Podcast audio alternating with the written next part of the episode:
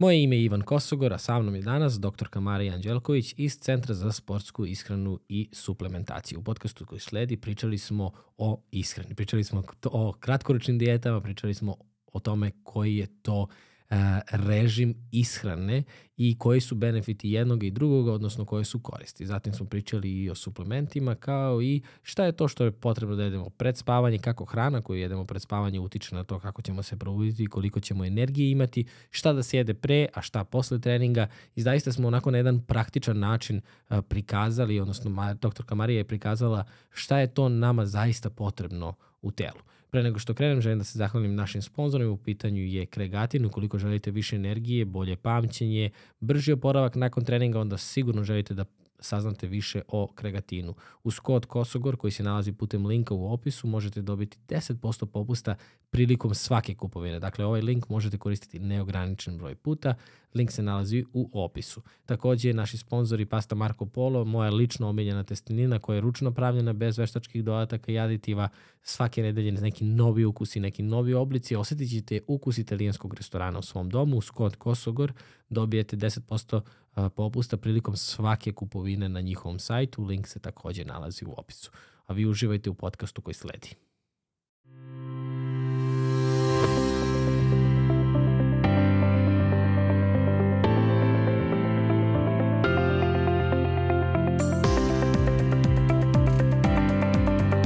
Ivan Kosogor podcast.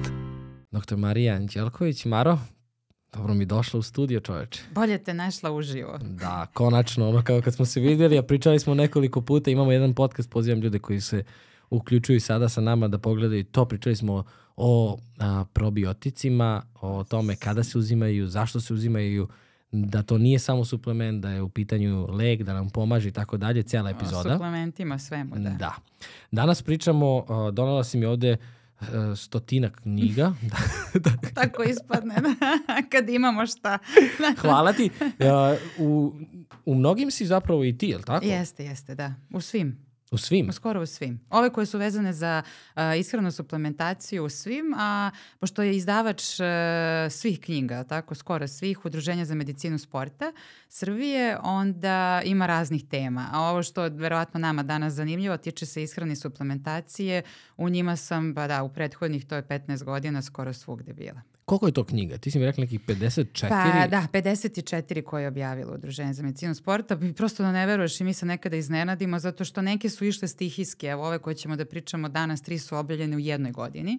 Uh, a onda, na primer, ima neka pauzica pa opet. Tako da ne znam, mislim da smo srećni da, mislim nisam nikad ni pretpostavila da ću baš da budem među koautorima toko knjiga, da budem iskrena. I dan danas mi je mnogo teže da pišem nego da nešto radim praktično, ali disciplinujem se. Tako da, eto, ostalo je u stvari za ljude i za edukaciju divne knjige koje će da vratno ono, budu i posle nas, što bi rekli. A, sad kad pričaš o pisanju, samo da kažeš a, da su zapravo ove knjige napisane na osnovu vaših testiranja. Tako je. E, znači neke knjige su, ali to je redko, možda od tih 50-ak je, možda da tri knjige su prevedene. I prva knjiga sa kojom smo mi krenuli da radimo bilo šta vezano za ishranu je ovaj, praktična sportska ishrana koju je napisala Louise Burke, to je 2009. godina. Tad se skupilo nas 15-ak na čelu sa doktorom Nenadom Dikićem koji danas vodi to udruženje i onda je on rekao, ok, ajde, ovaj, pošto smo tad bili i dalje smo u svetu antidopinga, ajde da ne pričamo više sportistima šta to ne smeju, ajde da pričamo šta smeju.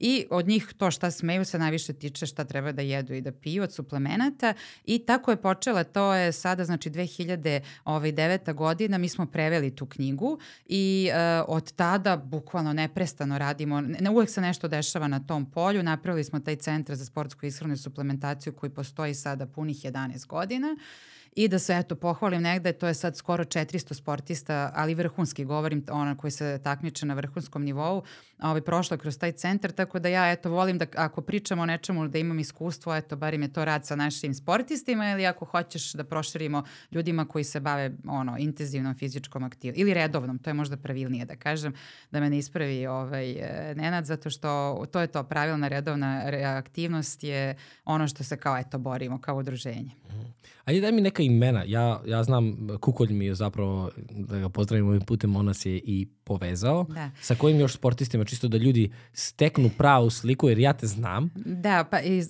uh, kad bi nabra... Uh, praktično jedino što me ljudi pitaju kao sa kim nisi radila, ovaj, uh, verovatno jedina osoba sa kojom nisam imala direktno iskustvo je da nisam imala prilike da radim je Novak Đoković, pošto ljudima je to zanimljivo, ali smo zbog njega napisali jednu knjigu koju možemo kasnije da pričamo, a praktično to je, pa da im nabrajem imena, to je, a, ako nisam direktno radila, onda je bila neka vrsta savjetovanja, to su stvarno svi naši iz ali iz skoro svih sportova, to su nacionalne reprezentacije i u borilačkim i vezano i ako ćeš timski sportovi, individualnim, dosta. Recimo da neki sportista u bilo kom sportu na vrhunskom nivou bi trebalo da da me prepozna, eto, zbog Aha. raznih raz, verovatno i zbog toga što smo davali razne savete. Tako da veliko iskustvo jednim delom potiče iz toga što, eto, već 15 godina je prošlo koliko ovaj, sam radila u antidoping agenciji Republike Srbije, pa su nas sportisti prosto znali zbog toga, a sad, a paralelno je išlo ovo. Tako da, ono, ja sam negde srećna zbog toga zato što je ovo nešto što je počelo kao hobi, a završilo se s tim da, eto, imam sreću da predajem, na primjer, na, u, jed, u nekoj školi koja se,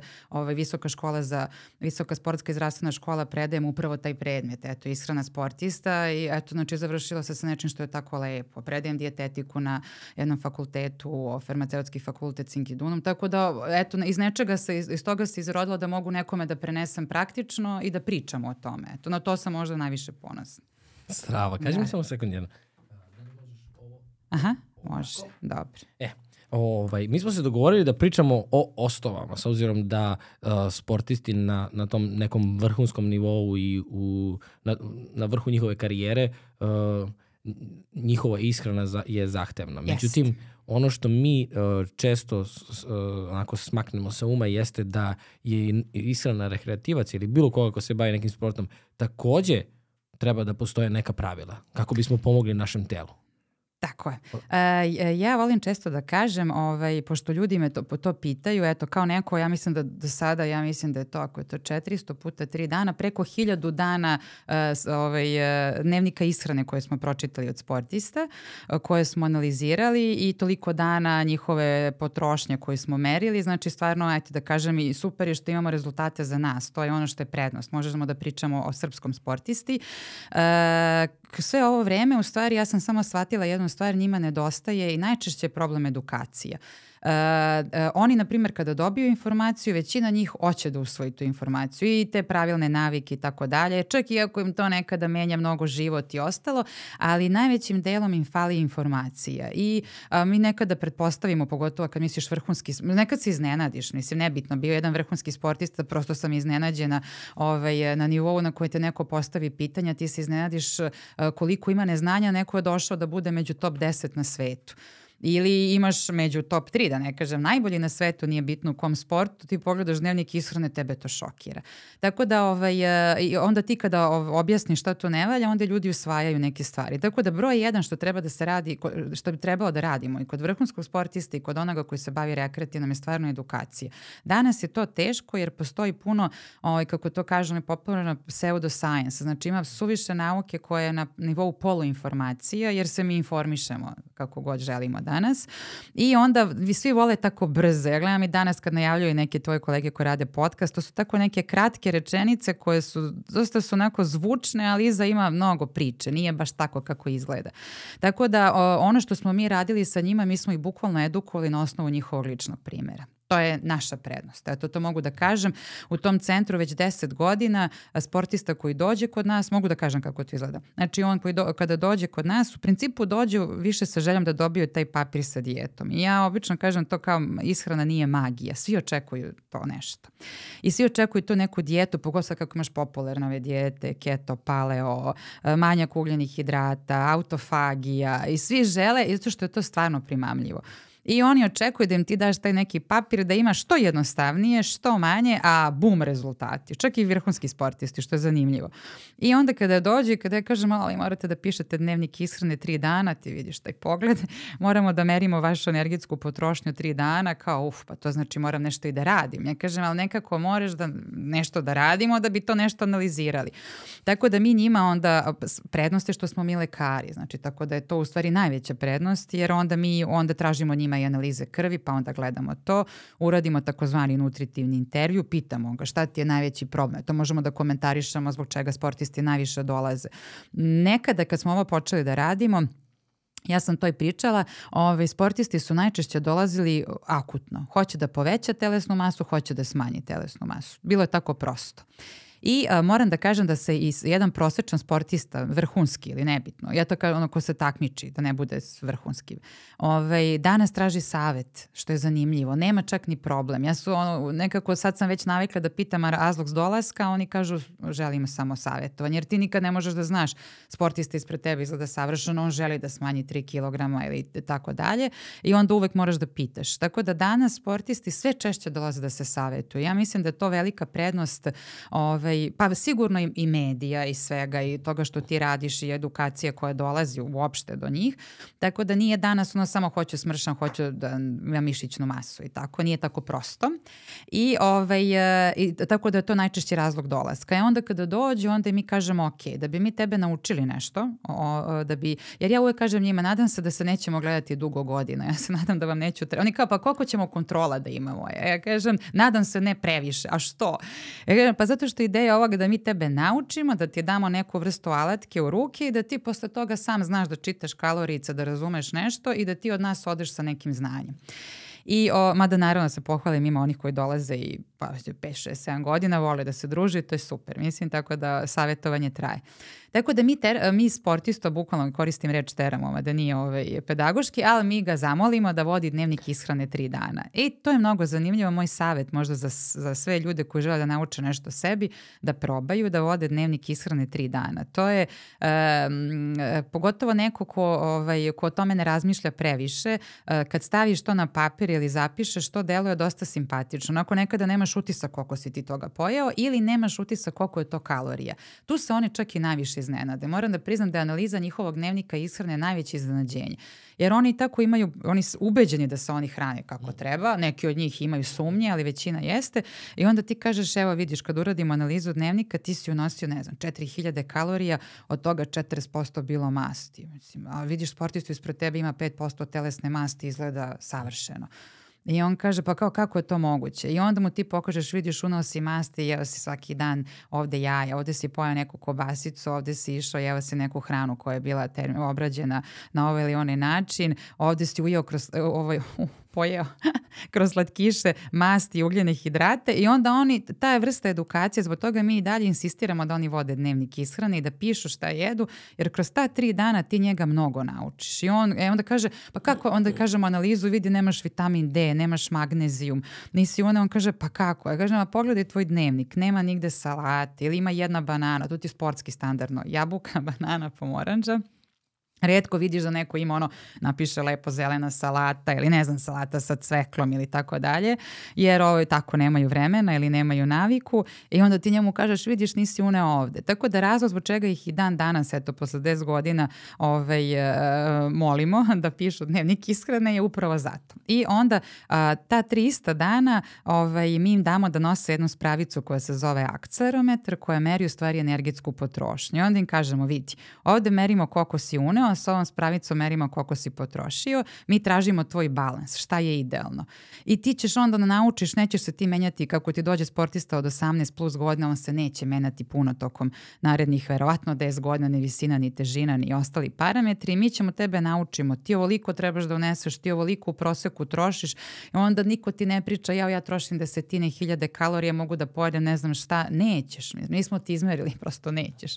I onda mi ovaj, ta tri dana kada pišu pišu dnevnik ishrane, mere koliko troše kalorije i ti dobiješ odličnu sliku da edukuješ sportistu. On praktično iz ishrane i kad mu mi damo predlog uh, te dijete i suplementacije, on je naučio basic. To je ono što bi oni trebali da nauče kad bi bili idealni uslovi u svom klubu, uh, na ne znam, nekim pripremama. Neko bih trebao da ih edukuje. To su stvarno osnovne informacije. I onda ti neko, neko te nauči ono baš što je eto, osnova da imaš tri obroka, ako možeš dve užine, da ajde ideš najprostije da ti, šare, da ti tanjir bude šaren, da imaš voća, da imaš povrće. Ne može ti budu dani monotoni. Ti, ti čitaš nekada te dnevnike, ti se zapitaš kako čovjek tri dana isto. Isto vreme, isto jelo. Ja mislim, ono, pisao dnevnik da nas, od, znaš, otaja. Ja dođe, sedne ispred, ja kažem, pa je moguće? On kaže, jo tako stalno, svako jutro isto, sandvič, onda ručam, nešto, a večera je uvek isto. Ja kažem, dobro. Tako da, ovaj, e, onda smo mi kroz vreme razvili taj program i to dan danas radimo. No onda na osnovu toga šta on želi, na osnovu nekih analiza, njegovog dnevnika ishrane, toga koliko je a, potrošio kalorija, kolike su mu minimalne potrebe i to možemo da komentarišemo koliko mi trošimo kalorija, ovaj, ti njemu daš plan ishrane i suplementacije. To je najidealnije, to jeste sporo. To jeste nekada za sportiste ono kao nisam se tome nadao, hoću samo papir, znaš, ali ovaj, na kraju budu oni ovaj, zadovoljni. Ja moram da kažem, uvek se prijatno iznenade kada čitamo taj dnevnik, analiziramo zajedno, pogledamo šta je bilo, oni kažu wow, pa ni, ne znam kako ovo ovako i tako dalje i ti vidiš da neko dobije informaciju koja je u stvari najkorisnija, koja se tiče njega samog. Jer i e, to što je danas e, hit u to, toj sportskoj nutriciji je takozvana personalizovana ishrana. I sad svi teže tome. Nekada se ono davali ovaj, opšte preporuke za futbalere, opšte preporuke za košarkaše. Danas su ljudi odustali od toga i svi se okreću ka tome, što je logično, da je svaki sportista priča za sebe. I u timu, ne znam, vaterpolista, znaš koliko ima razlike između njih. Znači u navikama, u ishrani i tako dalje. I onda su ljudi rekli to personalized sport nutrition, kako je oni zovu, je nešto što je definitivno broj jedan danas i svi o tome pričaju. Kad kažeš da vode dnevnike, šta se tačno upisuje u dnevnik? Vreme kad si jeo, kako Tako se osjećaš je. nakon jela? Jeste, mi imamo našu koleginicu Jelenu Bekić, koja je nutricionista, dijetetičar i oni obično kažu, ja, pa vi to da pročitate, to ćete razumeti. Ja kažem, ništa ti ne, ti piši dnevnik kao a kada bi ti, kao evo, da ja treba da pišem dnevnika, ti da ga analiziraš. Nemoj da pišeš sada, ne znam, salata, sandvič, nemam pojma šta je unutra. Opiši samo malo taj, to što si jeo. Oni bukvalno pišu to tokom dana šta su 24 sata, šta su pili, šta su jeli i uvek insistiramo na tome da upišu vodu. E tu je isto pono veliko polje da se radi. Ajde, ja ću govorim o sportistima, ne kažem sada svi mi, ali generalno ljudi im, nemaju ovaj naviku razvijenu da piju tečnost uh, i u sportu je to malo drugačije, moraju da piju i vodu, moraju da piju i sportsko piće. Onda ih učiš kada piju sportsko piće, kada piju tečnost, mislim vodu, da, ovaj, da ne kažem da gase žeđ i, um, i naučiš ih koliko, na primjer, što mi ne znamo, unesemo i mi i o tečnosti putem hrane i što više jedemo jela koja su spremljena, jela kuvana, uneseš i tu tečnosti, pa unesem putem ove kafe koju sam popila tako jutros i tako dalje, tako da o, to im negde pokažemo i kažemo ok, ti si putem hrane uneo na primer litar i po, ali tebi treba još barem dve da bi zadovoljio neke norme. Tako da ih učimo da pišu šta jedu i šta piju e, tokom 24 sata minimum 3 dana. I ta 3 dana onda oni o, se disciplinuju. Moram da kažem, evo sad je to već bukvalno mislim hiljadu dana dnevnika koje smo računali, to je u većini slučajeva budu revnosni. Znači baš se potrude i baš lepo napišu šta su, šta su jeli i što tačnije napišu, mi dobijemo tačnije informacije. Ako hoćeš neku globalnu analizu, eto tih ovaj, svih ti koje smo do sad radili, u proseku kalorijski uh, sportista, znači govorim isključivo proseku, je dosta široka, e, svih je sportova bilo, negde unosi, to smo radili radi pisali, negde oko 3,5 hiljade kalorija, pa plus minus 500 uh, e, sigurno. Uh, hoću da kažem, to nije puno, to, to želim da kažem, negde oko 3, 3 od, između, u, ra, raspuno od 3 do 4 uh, hiljade kilokalorija. Uh, E, imaju problem sa većim unosom masti koji se tiče i nas, e, znači nevezano za sportiste, naša tradicionalna ishrana je takva imaju manji unos ugljenih hidrata, a njima je to esencijalno za bavljanje sportom i to je nešto što uvek volimo da ih edukujemo.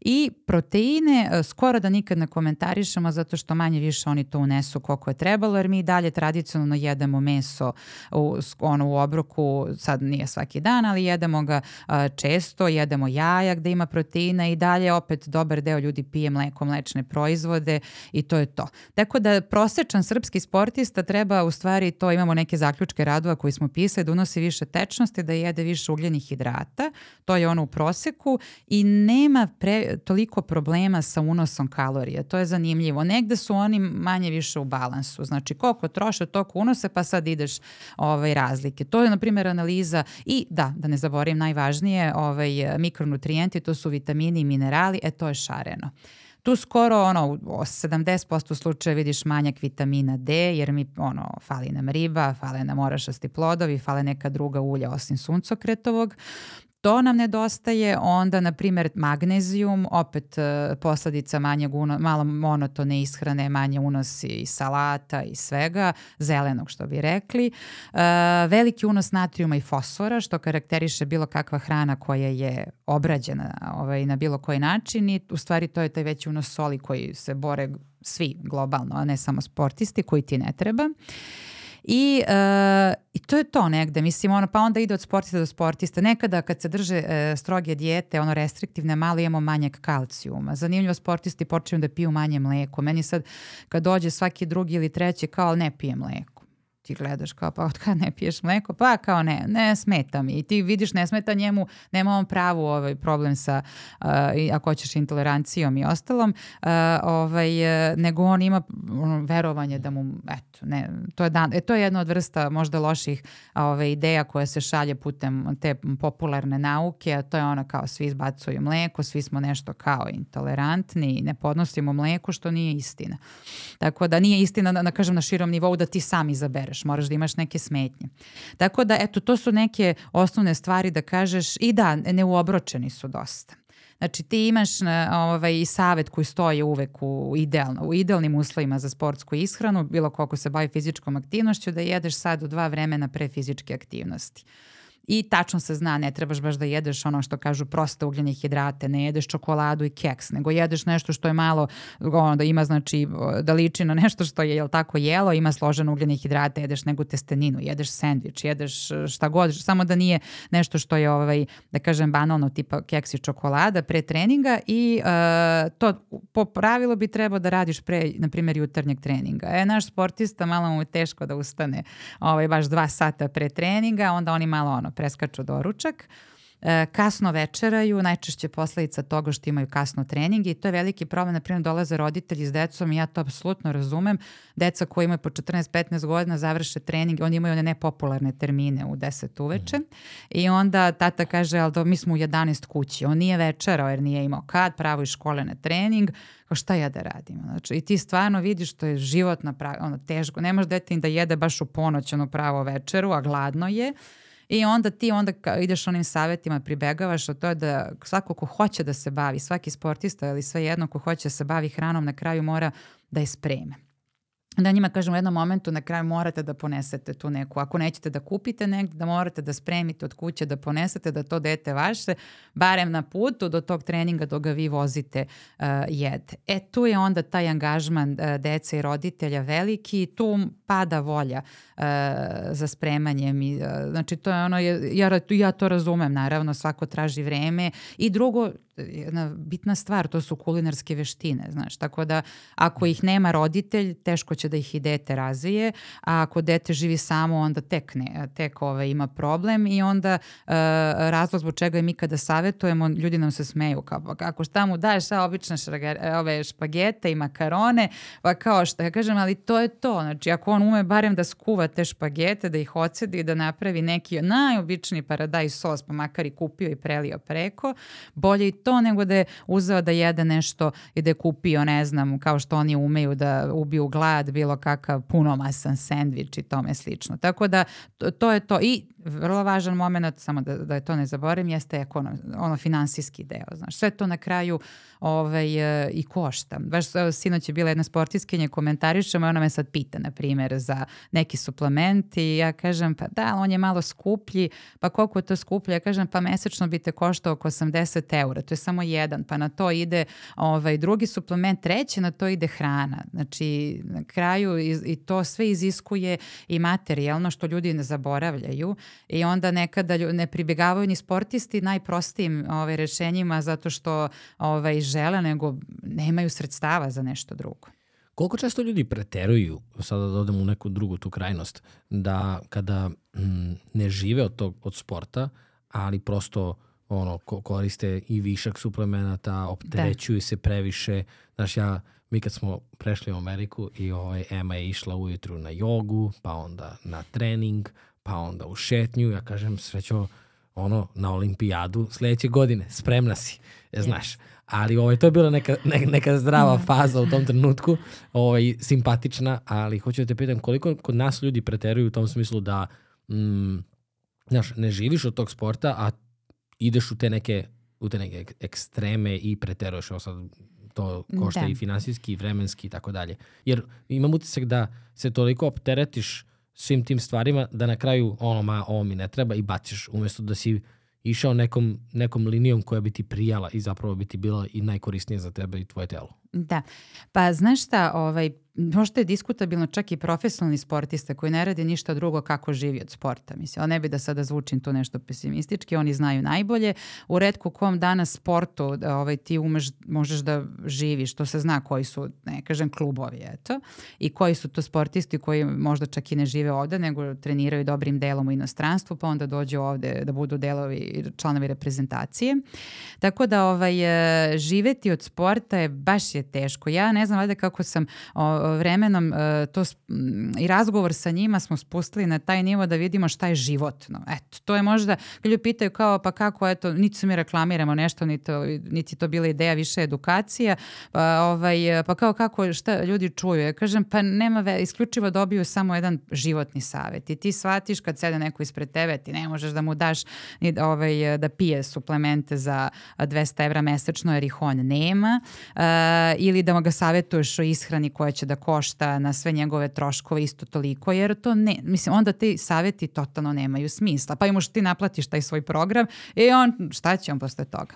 Tako da e, to, to vrsta preterivanja e, je, e, postoji kod onih koji, pa imaš dve strane, oni koji odu u tu stranu, znači u smislu da uđu u bukvalnu zonu pretreniranja, i posvete se sportu na, e, koji je dalje na nivou hobija, na primjer, ošto se ne takmiče ljudi.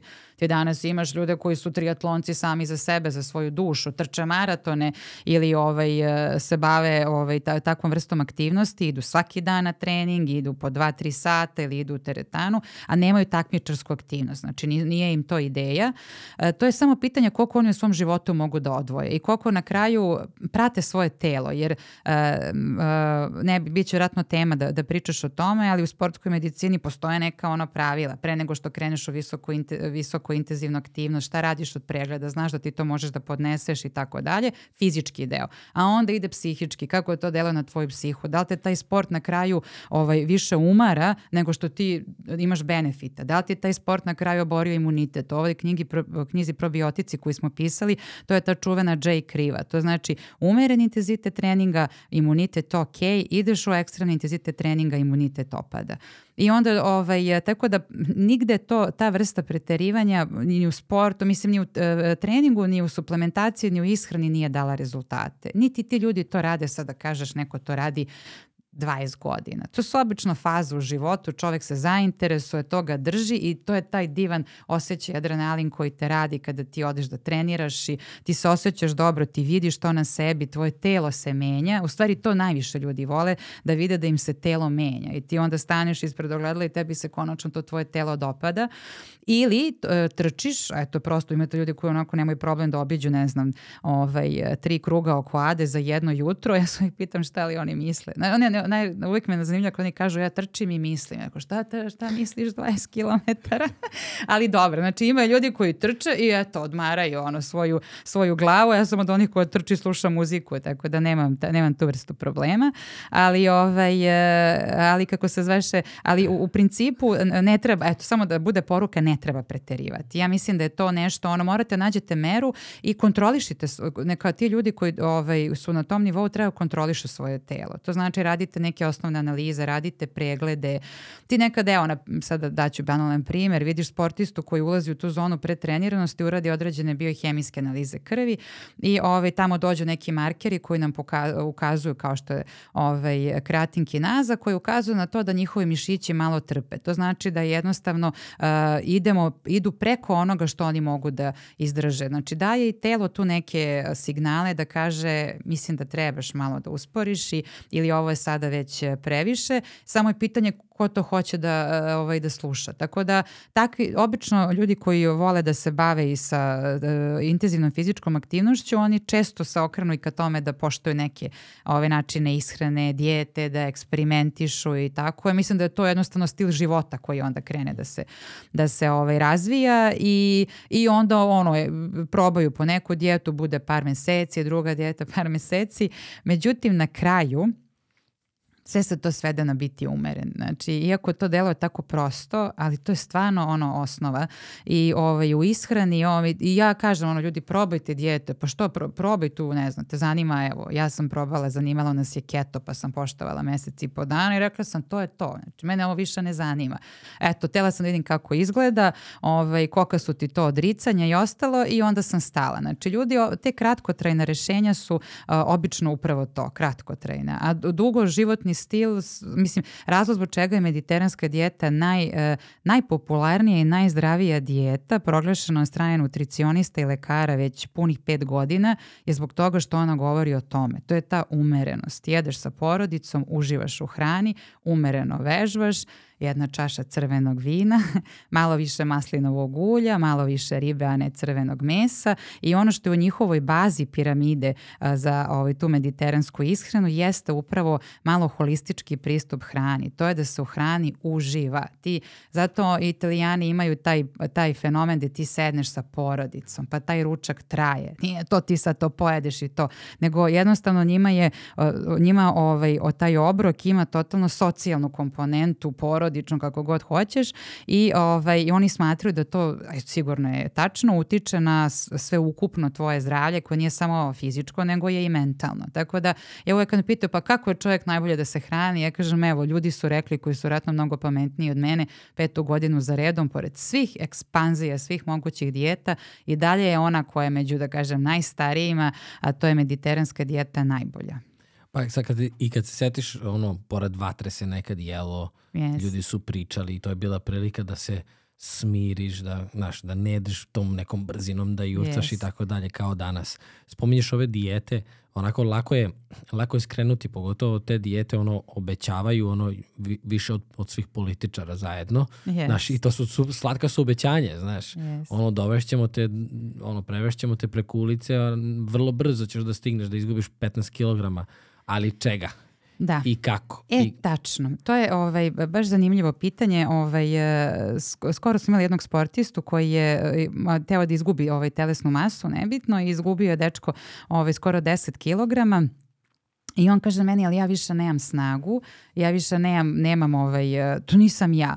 I o, vi kad pogledate njegovu telesnu kompoziciju, shvatite naravno da je on izgubio u stvari ovaj, mišićnu masu. Tako da to je problem, veliki problem sa tim dijetama koje se kratkotrajno drže, a nisu vođene od strane nekoga ko to ume da savjetuje ili barem neko da prati u tome što njihov ovaj, e, rezultat jeste možda smanjenje telesne mase, što je u redu, ali se postavlja pitanje da li je to bilo kvalitetno smanjenje telesne mase. Niko od nas ne želi da gubi mišićnu masu. Danas postoje uh, vage, odnosno postoje instrumenti sa kojima mi to možemo da izmerimo, tako Bogu hvala da se i toko razvilo i mi danas možemo da pratimo mišićnu masu i to je velika prednost. Mi onda možemo da kažemo evo ovo je zdravo izgubio masno tkivo koje mu nije trebalo, a vidi ovde izgubio si mišićno tkivo, znači imamo dva razloga ili dijeta, način na koji si se hranio nije bila dobra ili nisi poštovao neki ovaj, savet savet koji je dat za vežbanje, na primjer, to je sad druga, druga komponenta. Tako da totalno si u pravu. I onda takvi ljudi obično, ne treba on, ako je čovek otišao neki program ishrane, izgubio 10 kg, pa on treba, ono, puca od zdravlja. Znači, to je, ti ga vidiš i vidiš, ono, kaže, ljudi, preporodio se. On ne treba da izgleda kao da je, ovaj, kao da je, ovaj, da, da vidiš da izgleda kao da je bolestan. Nekada da. tako izgledaju. Kao tako da su da- izašli iz bolnice, yes. znaš, poje, pojelo yes. ih je nešto. E sad, tu isto jedna bitna stvar, ovaj, uh, Uh, to utiče jako i na psihu, znaš, jer, te, jer ti stvara i glavobolje i umor i taj gubitak energije utiče kasnije na motivaciju i tako dalje. Tako da ja uvek onako, mislim, ovo je sad da ja pričam na osnovu iskustva sa ljudima sa kojima pričam. Znaš, da, meni da. nikad nije palo na pamet da kao kad ti dijeta kaže smršućeš 15 kg, se zapitam čega i onda dođe profesor vlada i kaže da im šta smo to izgubili. Znaš, yes. ovaj, hoću ti kažem da je jako onako uh, diskutabilno i meni je zato jako važno da pričamo o ovim stvarima, pogotovo ovde i da se to, da se to širi kao upozorenje na neki način, znaš. Pa to su, ja ne znam, znači to su ta brza rešenja. Ja verujem, ja shvatam da ljudima to nije ono uh, popularno da čuju i da kažu pa ne, sigurno mora da ima neki ovaj brzi način, ali sa iskrenom nije, nije tako, brza rešenja nisu uvek najbolje rešenja. Zato treba čovjek da negde vodi računa o tome i ono, kao što smo pričali u prethodnom podcastu, da ja i dalje to mislim, ovaj, moraš da ipak vodiš računa ko te savetuje, mislim. Tako da, uh, ono, ne kažem da pogledaš tu osobu kako izgleda, sad ne bi bila, ajde da kažem kažem to, ali jednostavno da, da vidiš ko te savetuje o tome kako ti da izgubiš ovaj, te kilograme. Pitanje je zašto bi neko danas i davao te popularne dijete kao način, da kažem negde kao način kako ljudi mogu da, da žive. Znači oni, oni najčešće nisu životni stil, oni su kratkoročna rešenja. Ako hoćeš da probaš nešto kratko, ok, i tada moraš da se kontrolišeš, mislim na tvoje zdravlje, ali vrlo često ljudi nemaju voljni moment da sa tim eksperimentima izdrže dugo. I onda se vrate onome što su oni bazično i zato su to onda non stop te fluktuacije u kilogramima, u raspoloženju, u svemu, dok ne nađu neki svoj, to je ono što teži u stvari ishrana, balans. To znači da, da to koliko ti unosiš, da ti to otprilike trošiš, da ti neko to objasni, da ti onda shvatiš, pa ne možeš, ne, ne može neko da ti da dijetu od 800 kalorija ili od 1000. I ja i ti, ovaj, barem, nebitno ženu u proseku imaju taj bazalni metabolizam. To znači mi, uh, mi, minimalna količina kalorija koju ti trošiš u stanju mirovanja da ništa ne radiš.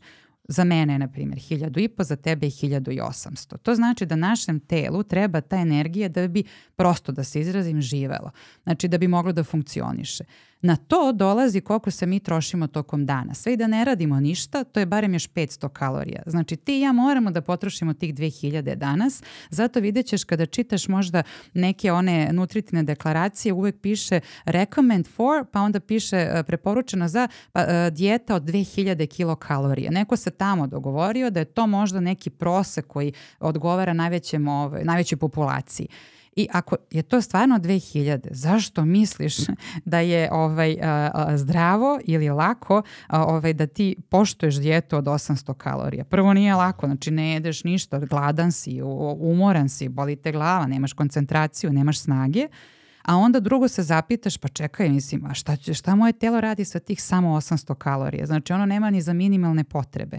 A gde je da ja krenem da, da živim? Naravno da su takve dijete na, ovaj, najvidljivije, najefikasnije za skidanje telesne mase. Brz. To je ono skidanje, ne znam, za mesec dana 5, 6, 7 kg, pa logično. Mislim, ja nikad ne bih da poredim ružno, ali čak i ljudi koji su ljude držali u, ovaj, u logorima su im davali hiljadu i po kalorija. Mislim, jeste, trebali su da rade, ali svejedno niko ti ne daje 800. Znači, to je, nije ni etički, nije ni profesionalno, a sretala sam to. Onda kao, pa to je kao da su brza rešenja. Pa nemoj da ti, čemu učiš onda tog čoveka? Ti ga ne učiš da on razvije neki životni stil, zato je ovo što mi radimo možda sporije, ne toliko popularno, jer mi se trudimo da nekome pokažemo kako je, šta je na duže rešenje životni stil. A danas ljudi, većina koji se nazivaju nutricionistima, ali ne znam već kako, daju upravo ta neka brza rešenja i onda ti stvarno dođe čovjek i kaže, ali ja sam smršao 5 kg i ti ima znam kažeš vidimo se za par meseci. I mislim za par meseci on ne može da izdrži tim tempom, pa ti ne možeš, ti nisi funkcionalan, ti radno nisi sposoban sa 800 kalorija kalorija. To je toliko malo, mislim. Tako da eto, tu je veliki problem. A kaži mi, uh, kakav je tvoj bio utisak sa keto dijete? Onako, lično, ako ti je okej okay da podeliš. Najveći problem meni bio sa keto dijetom. I šta je keto dijeta e, da, za ljude to je, jeste, da, pa trenutno, u stvari, ako izuzmemo mediteransku, ona se borila za to neko mesto da bude među najpopularnijima. U, e, e, sad, prednost te keto u odnosu na neke druge dijete, što ona čak našla je svoju neku medicinsku primenu i davala se čak i u nekoj, ovaj, kod osoba koji imaju epilepsiju, kao neka vrsta u sklopu tretmana i tako dalje. Ona je čak našla, da kažem, svoj medicinski ovaj, deo i to je dijeta u kojoj ti trebaš da svede svedeš unos ugljenih hidrata na minimalan. E, tu su neki ljudi prestrogi, mislim. Ona u osnovi može da bude ono ultra stroga keto koja ide sa 5% ugljenih hidrata, što je ništa. Onda light koja ide, koja ti dozvoljava, na primjer, 15 do 20%. I ti sad izabereš, unosiš onda, e, ono što trebaš da znaš, kad smanjiš ugljen, pošto u našem tanjiru imaš tri velika, ali tako, makronutrijenta, ugljene hidrate, proteine i masti. Ako ja ugljene hidrate smanjim, oni mi čine pola tanjira, logično je ta, ove se dve te odlaze na proteine i na masti. I to je dijeta koju ti realno unosiš više masti nego što, što bi, ajde da kažem, ovaj, trebalo i ideja je da to budu dobre masti. E, razlog zbog čega je ona ovaj, postala popularna, ljudi su stvarno imali rezultate u smislu gubitka telesne mase sa njom, jer ona, ako je poštuješ po pravilima, je i energetski te spušta. Ne samo po pitanju ovaj, e, toga šta unosiš, nego spušta i količinu kalorija koje uneseš. Jer tamo vidiš kad izabereš i, i šta ti preporučuju, kad izračunaš kalorijski, njena ideja nije da ti sad kalorijski opet unosiš sve isto, nego te malo smanji kalorijski, smanji ti ugljene hidrate, da ne idem sad na nivou organizma, malo ti se ovaj, prebaci, svičuje što kažu metabolizam, počneš da trošiš masne kiseline kao gorivo i, ovaj, i, i vidiš rezultate. I ja sam to radila čisto, to je prvi put da sam inače ovaj, ljudima često da pita, bi ste nekad poštovala dijetu? Ja kažem, ja ne znam, ovo sam probala, to je bilo prošle godine, rekao, ajde da vidim kako izgleda to mesec dana i meni je jedino što mi je falo u stvari voće, pošto keto u dobrom delu ti brani da jedeš ono što ja volim, tipa bilo je još ono vreme kad su bile, ne znam, lubenice, banane i ostalo, vrlo je stroga po pitanju, možeš ono cherries and berries crveno, možeš o, malo maline, ostalo i slične stvari, ovaj, borovnice smeš i to ti kao eto super, tako da meni, eto to mi je falilo. E, e, I zanimljiv je utisak e, zato što prednost, na primjer, tih dijeta kad se kratko poštuje, shvati šta bi ti sve mogo da jedeš, a inače nemaš naviku, razumeš? Tako da, eto, malo se svičuješ ka nekim drugim namirnicama, pa onda kreneš to da jedeš. Eto, to mi je bilo zanimljivo. Nezgodno je kad putuješ ili, ne znam, nekim si sastancima, tamo svaki put imaš nešto što u sebi ima ugljeni hidrat, pa onda ti kao malo izbacuješ i to. Ja mislim da je to jedno malo čudno, ali mene to stvarno držalo uzelo, eto, to mesec, mesec i po dana. Ja nisam ni izgubila neku telesnu masu tada da, da kažeš da se nešto videlo. Više je bilo jedan prijatan osjećaj da sam nešto promenila u ishrani i da vidim kako to izgleda. I verujem da je to zbog toga što sam ja kalorijski skoro isto unosila koliko i pre toga. Znači nisam ja neku restriktivnu dijetu i zato nije bilo nekih wow rezultata na moju telesnu masu. Međutim, ljudi koji kreću da poštuju keto dijetu obično ove, ovaj, ili unose manje ove, ovaj, kalorije u odnosu, na, u odnosu na pre i to bude razlog zbog čega ovaj, e, e, gube na telesnoj masi. Tako da, e, eto, ne znam, onako jedno prijatno iskustvo mislim da je skroz ok za kratkoročne one varijante, da ljudi mogu da poštuju i po, eto, to do tri meseca, ako mogu da izdrže svaka im čast. Ja volim i testenine, ja prosto ja volim ugljene hidrate, takva, takva sam, ali oni, ko, ko na primjer ne voli da jede puno hleba, ne voli puno ovaj, pet, ovaj, testenina, makarona, špageta, njemu je to onda ok. Ko voli meso da jede, jer to u stvari je popularno među ljudima koji vole dosta da jedu ovaj, meso, onda se oni ne odreknu puno stvari, mislim, tako da je to ok. Ali eto, to mi je jedna od stvari koju sam ovaj, probala, i, ali bila sam, ja mislim da sam ja bila umerena, tako da je to razlika što nisam videla neke ovaj, velike rezultate, osim što ti primetiš da ti se, ovaj, da, da ipak nešto se tu dešava, nije, ipak si izbacio jednu veliku grupu namirnica, to su ugljeni hidrati. I samo mala stvar, mala, da ne zaboravim da kažem,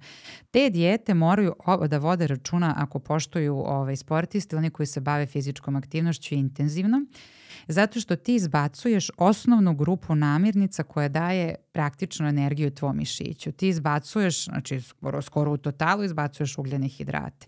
A, e, I ako rade to sportisti, prema preporukama sportske ishrane, to je u pripremnom periodu.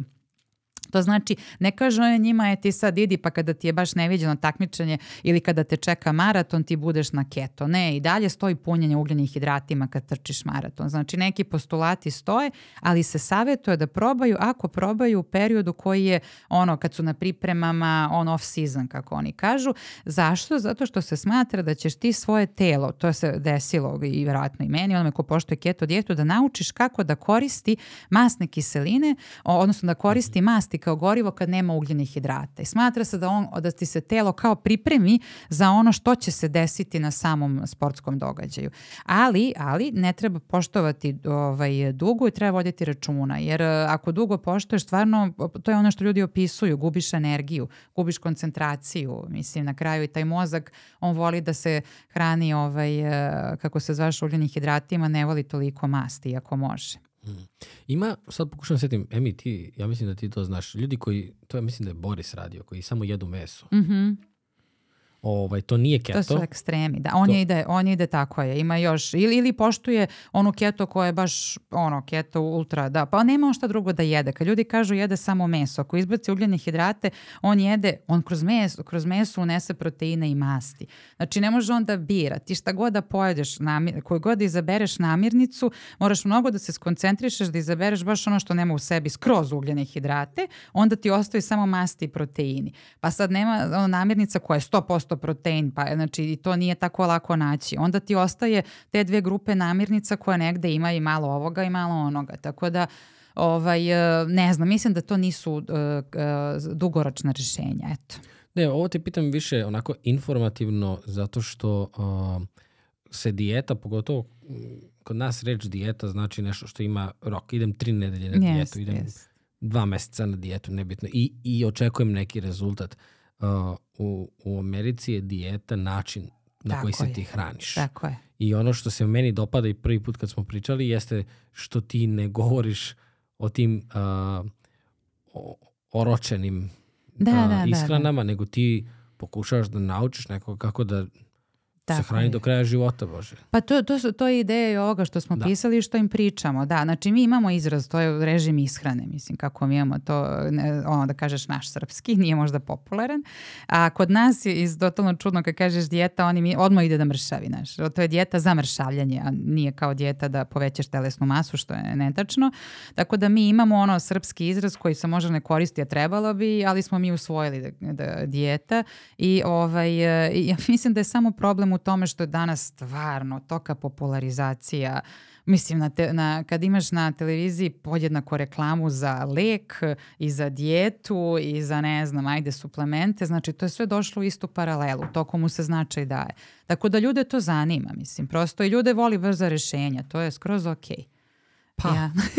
To je skroz okej dok ne probaju. Ja mislim da samo jednostavno, evo, uvek opet ponavljam, vodite račun od kog dobijate savjet. Eto, to je to. Mislim da si rekla jednu ključnu stvar, ja sad malo vrtim ovde, a, knjigu, ali rekla si jednu ključnu stvar da, da je edukacija. A, Jeste. Niko ko zna a, koje sve efekte može i dobre i loše da dobije pravilnom ishranom, pravilnim režimom ishrane se neće okrenuti ka kratkoročnom. Ja kao ne, Ne. mogu sebe da zamislim na dijeti, znaš, zato što mi nije logično da Da, te moje- se hraniš. znam šta radim tijelu, Tako je, znaš, to je problem. U isto vreme to je i spas. Da. A, okrenuo sam ovde za recepte. E sad, Emi, baci me ovde. Vi ste ovde nacrtali, bukvalno nacrtali ove, su ovo dijagrami?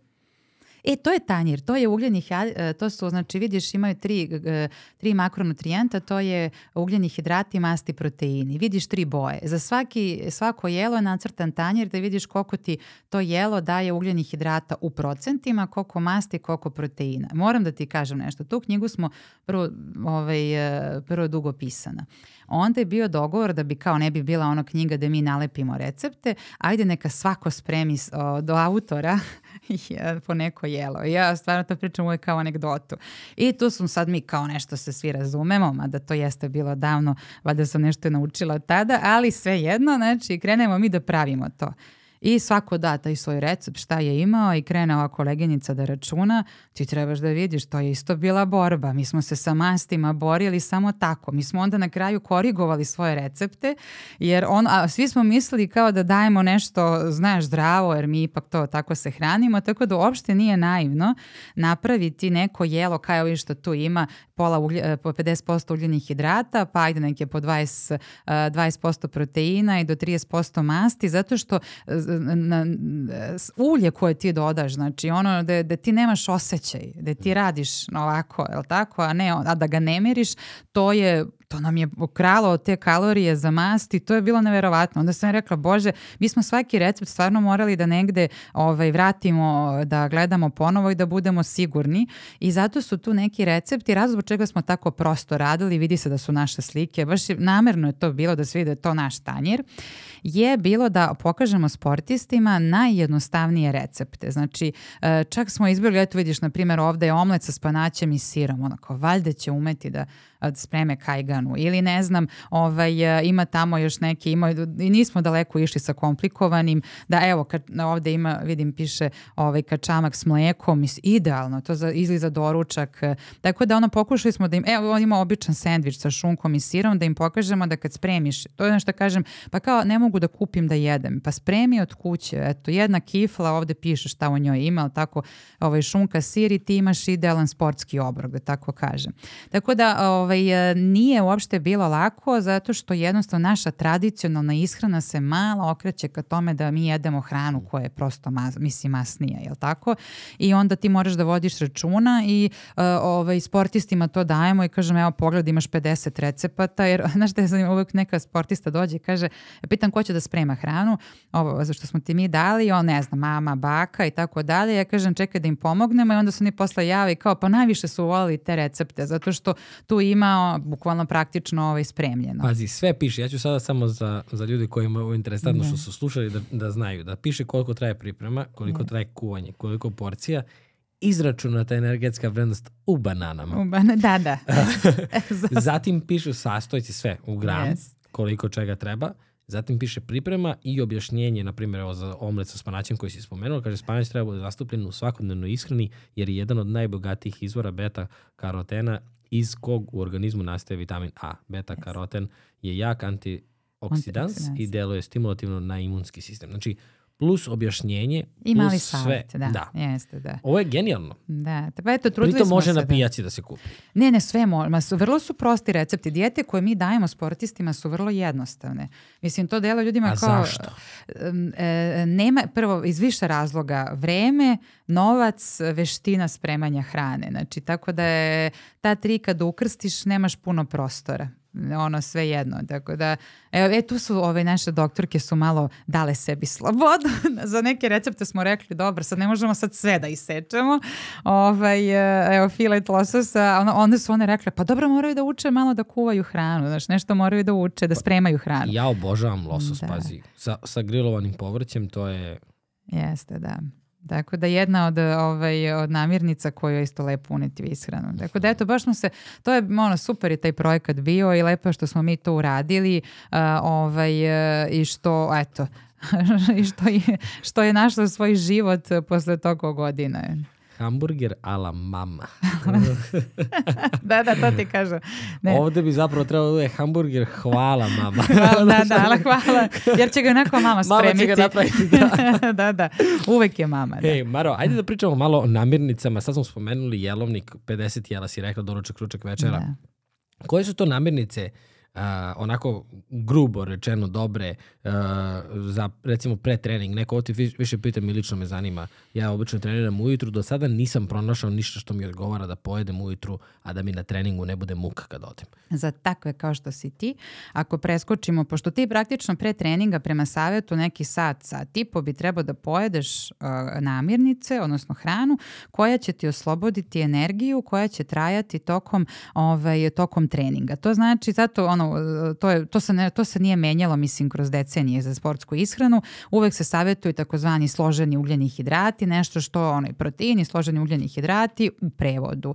Neki, neki sendvič, voćni jogurt, ovaj kačamak nije loš ako imaš vremena da ga spremiš, e, um, onda muslima, da to je široko polje. Kad kažeš musli uvezano za ugljene hidrate šta ima u sebi i ostalo. I ovaj uglavnom za sportiste koji za taj doručak ovaj ne mogu da jedu. Znači mi imamo na primjer plivači i ostalo koji ne mogu ovaj smeta im ovaj, zbog ili u borilačkim veštinama ljudi se bacaju i tako dalje.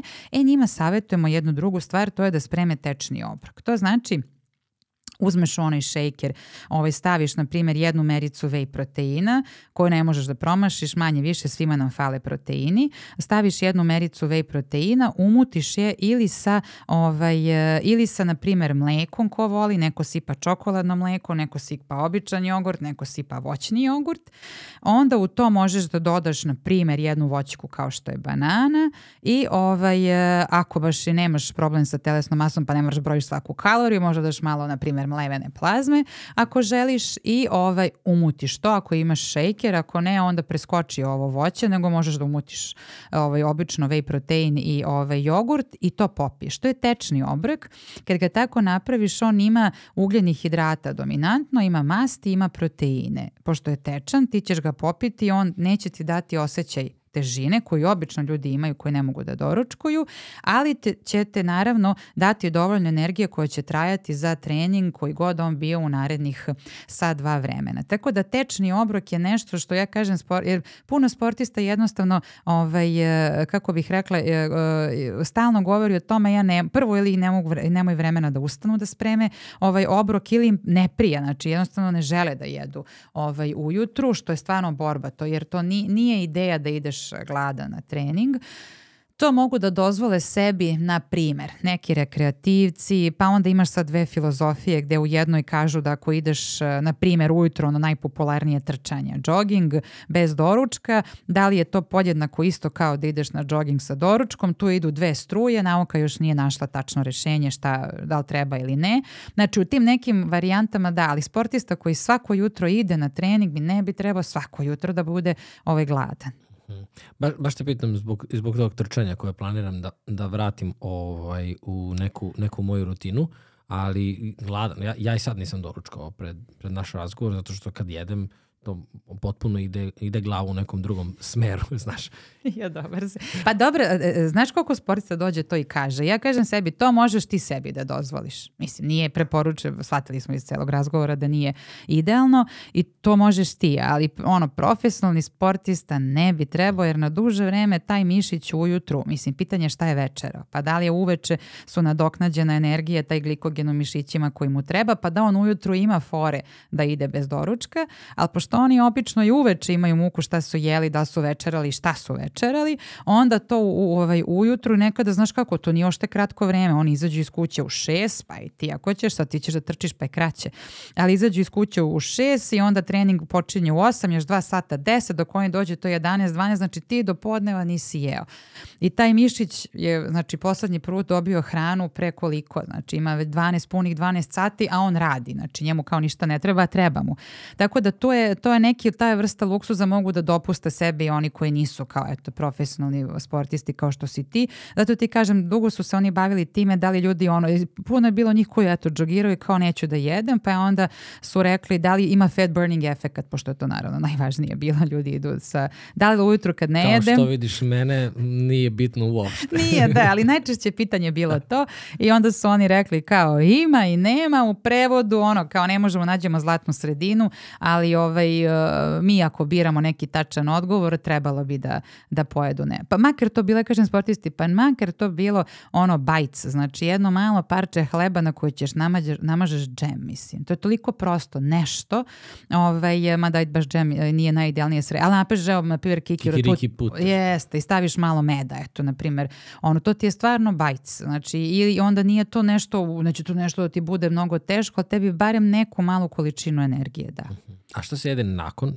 Sad se pitam ovako sad tehničke stvari. Da. Šta je najbolje nakon trčanja? Jaja, ugljeni e, hidrati? Da, nakon trčanja imaš pravo da jedeš, ovaj, da, odnosno, ajde kažem, nakon fizičke aktivnosti. Da, ovaj, treninga, nebitno. Treninga, da, ti je dopušteno je to mišiću kome treba da se vrate ugljeni hidrati i proteini koje on potrošio i te aminokiseline, ti mu vratiš sa obrokom koji je ono, your choice, tvoj izbor. Znači, ovaj, o, savjetuju tamo, to je moment kada dozvoljavaju da sportista sme da jede i proste šećere, kako to zovu, znači može i, nek, i čokoladu, možda popije. Mene kad pita obično kao, pa kada pijem Coca-Colu, ja kažem, eto, ako si istrčao taj, ovaj, ili završio takmičenje, tvoj mišić će želeti da mu se vrati to što je potrošio, pa onda možeš da popiješ ili da pojedeš čokoladu, ali naravno i posle toga trebaš da jedeš. Tako da, o, sad, bez šale, znači, to mišiću treba da se vrate ugljeni hidrati i proteini. Zato su kada je posle znači treninga, zato se savjetuje da sve i protein ide neposredno posle treninga, upravo iz tog razloga kada piju kao suplement da bi taj mišić mogao da vrati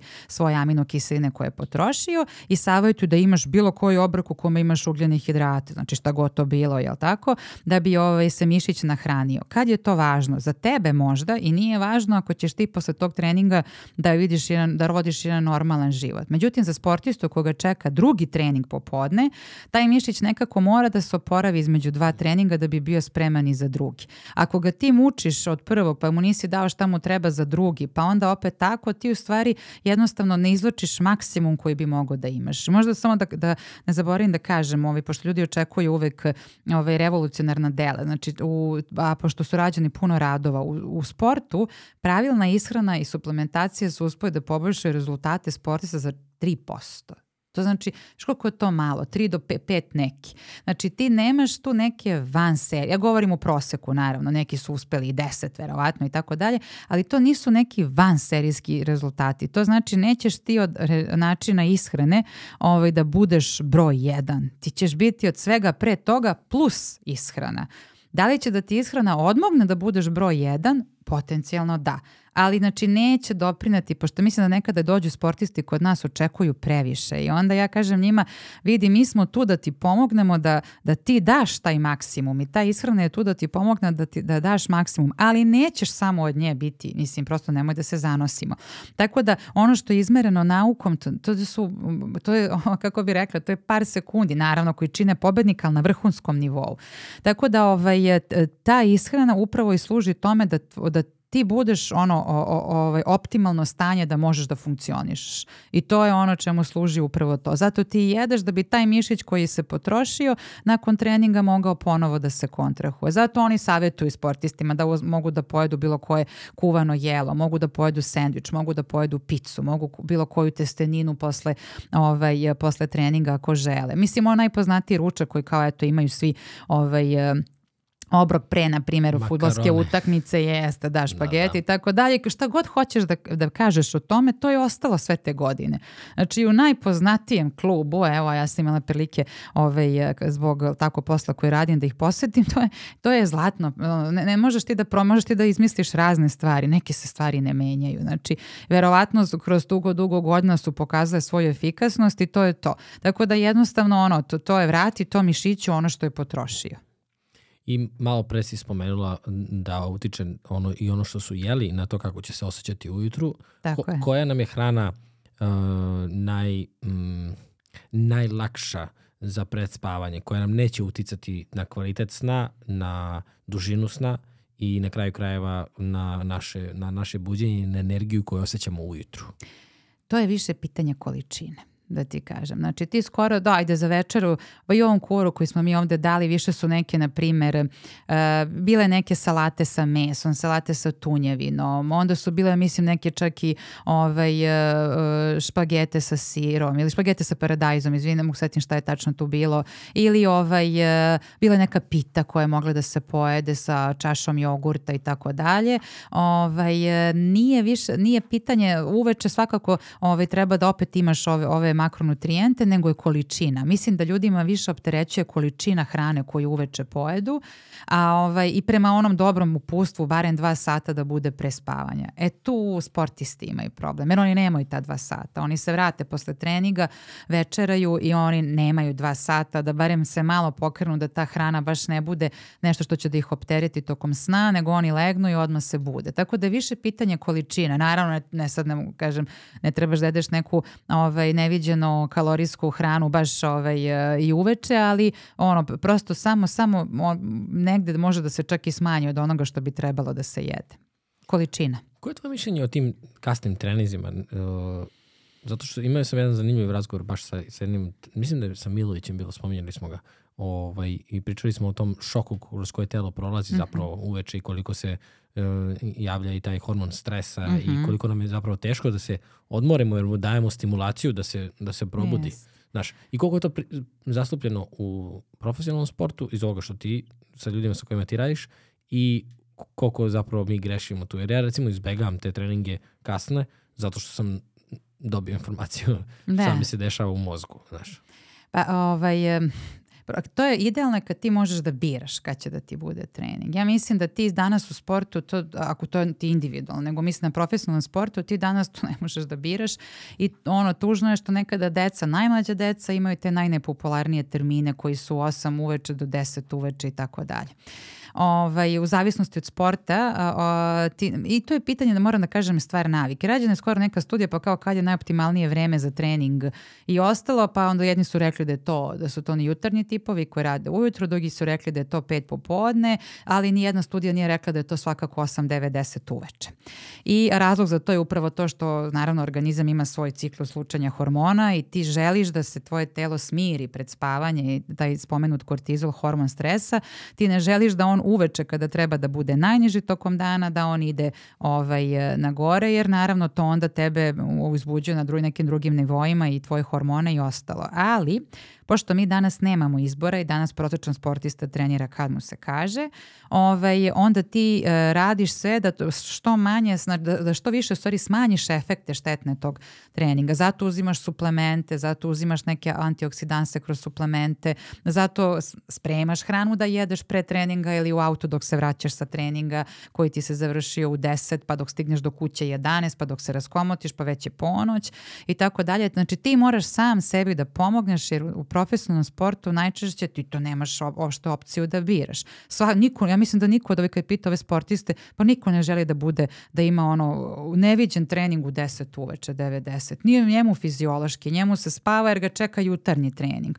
Tako da oni ne mogu da biraju i to je stvarno jeste ovaj strašno i onda e, tu nastaju ti veliki problemi šta jedem, kad jedem, pre, posle, da li mogu ovo ono i onda mi tu nekako, e to je ono individualna, ovaj, individualizovana ili personal, personalizovana ishrana, onda ti njemu kažeš e probaj ovo, probaj ovo i tu suplementi budu super. To su ove varijante sa whey proteinom, tečnim obrokom, sa sportskim čokoladicama koje su bukvalno jedan obrok. Ti kupiš danas ovaj sport bar ili proteinski bar, ovaj kad ga pogledaš on ima u sebi 500 kalorija, mislim. To je ono kao ozbiljan obrok koji si ovaj pojeo, a, a ti znaš da nećeš da spremiš hranu, kasno ti je, već je ponoć i onda eto na primjer izabereš bolje i to nego da eto svratiš i kupiš, e, što bi ovaj rekli, neku uh, neviđeno punomasnu hranu koja neće ništa uraditi tvojim mišićima.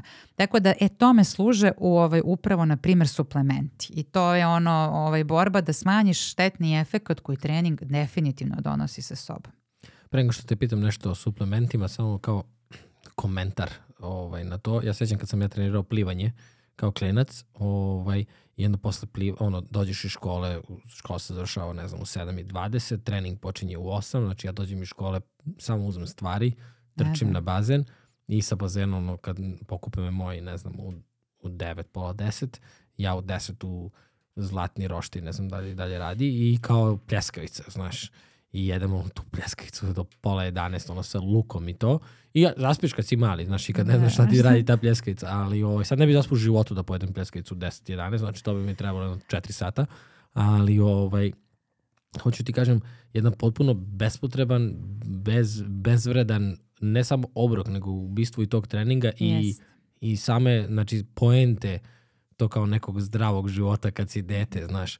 I malo pre si spomenula i to mi je onako odzvonilo da koliko su čak i, i deca razbacana u smislu da u školi provedu 8 sati sedeći na onim stolicama drvenim yes. koje, koje su neverovatne i ovaj, uh, zatim ti trenizi koji su za njih mučenja kada treba da se umiruju i da legnu i da rastu. Umorni da, su. Tako je. Oni su umorni, da. I danas kod nas i dalje vlada ta teorija, mislim, sa dva treninga dnevno u mnogim sportovima, čak i na juniorskom nivou i ta deca su, realno su umorna. Ti kad vidiš, tebi dođe dete od 14 godina i, ovaj, i pogledaš ono pre podne trening, pa onda potrčiš školu između, pa ako školu stigne, onda popodne trening, onda vikend ovaj, takmičenja, ni za šta nema vremena, ni za šta. I onda ono podrška porodice i to je ono što je zanimljivo, na primjer ja se to često šalim, kod, ja ne pamtim kada je sportista došao sam kod nas, stvarno jeste. Obično su to uvek porodice, jer prvo taj sportista jeste porodični projekat kako god da okreneš, znači svi moraju da se slože da se neko bavi sportom jer do, do određenog nivoa ti moraš da ga vodiš na trening, moraš da ga,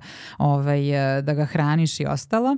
I, ovaj, I onda oni dođu najčešće sa mamom i sa tatom i ti vidiš koliko mama i tata ne znaju šta da rade. Ljudi i oni su, a slušaju trenera, slušaju klub koji je, ono, naravno, ovaj, e, tu kao ima glavnu reč i njima je neko rekao da je sve je super. Što jače, to bolje. Treniranje do, ovaj, da sada idem do krajnosti, do porađanja, to je dobro, dao je sve od sebe. Znači, i oni su ljudi izgubljeni u moru informacija i ovaj, njih niko ne edukuje. Znači, pitanje je danas ko edukuje roditelja sportiste? Niko. A on, a taj sportista ne može da postoji bez njega. Realno ne može da postoji. On mora da ga odveze, on mora da mu spremi tu hranu, on mora da mu da, on mora da kupi. Pa on u tvom slučaju mora da te odvede, da su morali te odvedu u restoran da jedeš. Znači, puno zavisi od roditelja koji su danas stvarno ono, sport bez nečega nema ovaj, sporta, a njih prvi niko nije edukuje. Onda oni toliko daju se od sebe, ja stvarno vidim toliko zainteresovane ljude, ja se oduševim. Znači, oni menjaju svoj režim ishrane iz korena da bi to dete ovaj, jelo. Menjaju svoje mentalne stavove o tome da pije suplemente jer oni ne žele da on pije tu hemikaliju, ali on treba da pije i ovaj, kako oni to zovu. Znači, onda oni puno toga urade, onda, na primjer, mlađe dete zbog tog starije koje trenira u nekom momentu i trpi, nije da nije, posvećaš se njemu, njih to niko nije naučio. Ja mislim da su oni ono do dobre, verovatno 17. 18. godine ovaj, sportiste negde, ovaj, totalno ljudi, ono, da, da će sam da odraste pa da krene ono, sam da, ovaj, da se snađe, a opet tom sportisti i roditelji trebaju uvek. Tako da oni su bez roditelja, jedan od razloga zbog čega mi ne radimo sa, ovaj, e, to jest ja sam rekla da nema smisla da radimo sa sportistima koji su mlađi 14 godina zbog toga što do 14. godine ne možeš da urodiš ništa ako nemaš podršku roditelja. A edukacija roditelja je mnogo teška. Tebi dođe dete da ti trebaš kao Ne, na primjer, mali vaterpolista treba da smanji telesnu masu. Inače krenuo u vaterpolo da bi smršao, se to naravno nije desilo i on sad treba da smanji telesnu masu. Šta ti s detetom od 12 godina da pričaš? Ti moraš da edukuješ roditelje, a edukacija roditelja spora, kompleksna, više liči na neke ono psihoterapije i ostalo, e onda ja kažem super, ne, ne vredi. Dok on nema neku 14. 15. dok ne počne sam da kapira i da svata ovo nešto kalorije, da, da je ovo šta je dobro, masti, ugljeni hidrati, e onda, onda mogu da radim sa njim. Onda on ti je sagovornik. Ja često i kad dođu roditelji ne pričam sa njima nikada, ne obraćam im se, nego pričam sa, sa ovaj detetom, pa onda pitam roditelje da bi se shvatilo da od njega sve zavisi. Iako mama i tata moraju da mu pomognu. Tako da ovaj, puno navika, puno životnih navika ti moraš da im pomogneš da bi oni taj trening ne bi bili samleveni. Jer znaš, ti njega pitaš kako se osjećaš posle treninga, on kaže mrtvo, a njega čeka škola i čeka ga drugi trening trening. I ti sad pomozi mu, znači daj mu neki par saveta i stvarno pomogne ta ishrana. Oni ako budu disciplinovani, oni kažu ima mnogo više energije i to je ono što ti želiš. To je to, nema čuda. Ima mnogo više energije, bolje se osjećam, trening me ne umara puno, ti si uradio svoj posao. Znači ti si mu na tome pomogao. Mislim, ovo je sad ovako dalo nadu ovo poslednje što si rekla, da. ali zaista mislim da iz korena moramo menjati ovo prvo odnos imao sam jedan podcast sa mojom učiteljicom iz osnovne škole, učiteljicom glume i ovaj, Mirom Ristić. I ona mi rekla, pa da, kaže, danas roditelji uh, vucaraju decu kao uh, Louis Vuitton torbice. Mm. Kaže, je tri treninga, četiri jezika, yes. sedam dodatnih časova, škola, on, a oni uopšte ne vide to dete, znaš. I to mislim da isto tako lep, yes. lepo je što neko, neki roditelj želi i da iskoristi maksimalno potencijal svog deteta i, da, i trudi se i tako dalje. Ne, ne mislim da ima loše namere, mislim da je samo loša, loš put. To je moje mišljenje. Da, da. I dete mora da želi. Da. Pitaj nekada dete ili želiš. Znaš, nekada roditelji zaborave da pita i onda mm. čuješ kao meni se ne ide na trening. Pa pitaj ga što mu se ne ide. Mora da ima razlog. Ne želi sport, ne želi trenera, ne sviđa mu se. Znači, ne, on mora, mora on da želi. To zato ja i kažem i kad dođu kod nas. Moraš ti da želiš da menjaš ovo i da imaš neke navike. Pusti mamu i tatu. Znači oni, ali ako ti ne želiš, vidimo se za dve godine. Dođi pa onda kad pričamo s tobom, pričamo s tobom. Da, da, to ima isto smisla. Jeste. U knjizi ste uh, pričali i o suplementima. Prvi je na listi kreatin. Prvi verovatno da. Pa dobro, ovaj, mi smo i dan danas ovaj, kada držimo predavanja ovaj, o, o suplementaciji, kada držimo sportistima ili ljudima koji su fizički aktivni, mi im držimo prema nekoj ovaj, um, klasifikaciji suplemenata koju uradio Australijski institut za sport. I dalje jedina podela suplemenata na svetu i od strane njih, jer imaju puno olimpijaca i čuvena ta Louise Burke koja piše sportsku ishranu iz njihovog tima. E, u toj prvoj podeli, to su suplementi koji definitivno jasno utiču na sportsku sposobnost, se nalazi kreatin.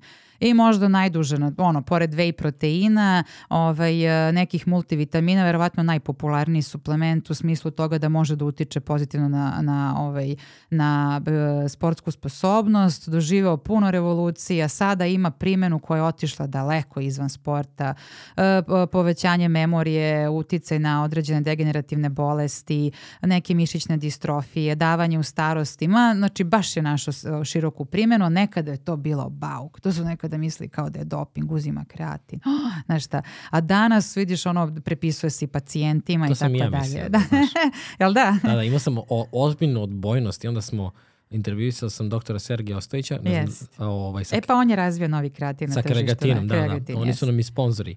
I onda ovaj, kad sam s njim pričao, meni je to bilo kao ja sve vreme mislio to ti ono gore od one igle kad se yes. bodu da raste mišić, razumeš? A pa zapravo pa da. toliko ima smisla. Jeste. Pa zato što je on u stvari kad se pojavi, on je dao stvarno dobre rezultate. I onda su ljudi shvatili kao, u, ako ima ovako dobre rezultate, mora biti da je zabranjeno.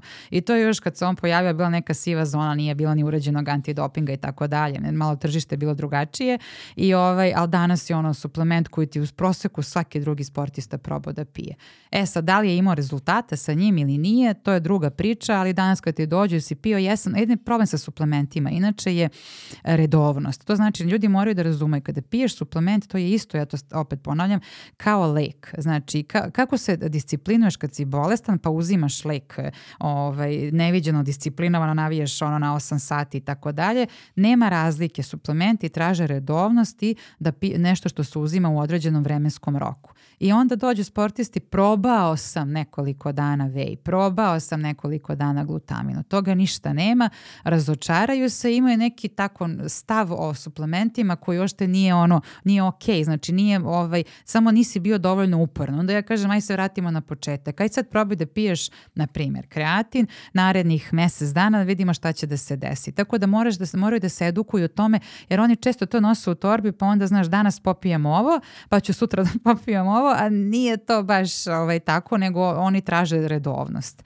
I to je jedan od velikih problema i kad pišem onaj program suplementacije, ja vidim ono, već smo dali 3, 4, da li mu dati i 5 i razmišljam, zamisli sad sebe, mislim, zamisli piješ Dobro, ja trenutno pijem, na primjer, četiri suplementa. Ja volim da pijem suplemente.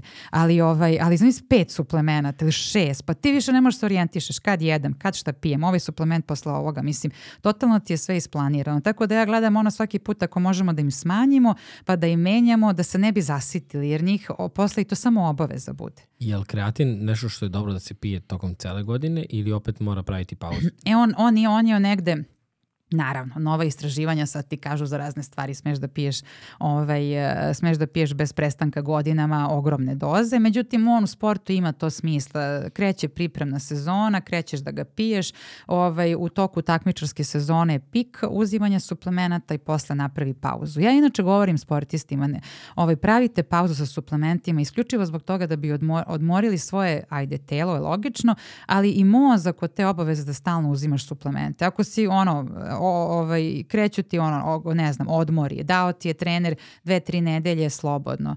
Nema veze, prekini da piješ sve.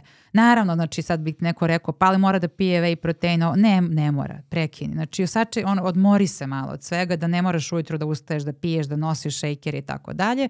I onda ovaj, napravi pauzicu i onda se opet vrati. Treba da se prave pauze iz tog razloga, iako danas iz nekog razloga radovi se rade sa tim da ti dokažu da ti možeš mnoge suplemente da uzimaš bez prestanka godinu dana, mislim. Ali postavlja se pitanje i zašto. zašto? Mm -hmm. Tako je. Super. Uh, Maro, bilo mi je drago da te vidim uživo, da, se, da smo se ovako upoznali, da kažem. O, ja sam bio odušen i nakon našeg razgovora i tako smo se nekako isprijateljili yes. i ovaj, sve je bilo super. Međutim, ovaj danas je onako uh, još više. Yes. I ovaj, hvala ti na, na poklonima, hvala ti na knjigama. Mi smo se već dogovorili za naš naredni susret da pređemo preko svih ovih knjiga o kojima ste vi pričali i da prosto upoznamo i ljude ovaj, koji prate uh, sa ovim vrlo, vrlo korisnim knjižicama, tako ću ih uh, mm -hmm. ovako reći, yes. zato što uh, sad dok, dok si mi ti pričali malo pre nego što smo ušli u studio, ovaj, kada pogledaš svu ovu količinu informacija koja je tako nekako uh, lepo raspoređena i objašnjava ono što je naj, najpotrebnije i najvažnije da se zna, tako da mislim da zaista uh, je potrebno zapravo pokazati da postoji i nešto ovako. Jeste, i to je za, sam, jeste kraj, ali evo samo zanimljivost. Naprimjer, mm -hmm. za mhm. taj kuvar sam ja ušla u prodavnicu i popisala sve slatkiše koji su tada bili i vidjet ćeš unutra imaju svi keksovi koji postoje na tržištu, poređani po maste. Sve, da, da, sve ono baš za srpsko tržište, tako da eto, trudili smo se, a da ćemo skopiti snage da opet nešto lepo napišemo, dođemo kod tebe i opet reklamiramo. Ba, sigurno, da je 54, tu i 55. to je, tako je. Hvala ti na pozivu. O, hvala i tebi puno. Hvala svima vama koji ste slušali i gledali ovaj podcast. Najbolji način da nas podržite jeste da se prijavite na ovaj YouTube kanal. Drugi najbolji način jesu PayPal, jednokratne donacije i Patreon. Hvala svima koji to redovno činite. I naravno posetite naše sponzore, linkovi se nalazi u opisu. Samo preko naših linkova dobijete 10% popusta prilikom kupovine kregatina i paste Marko Polo. Mi se vidimo sledeći put.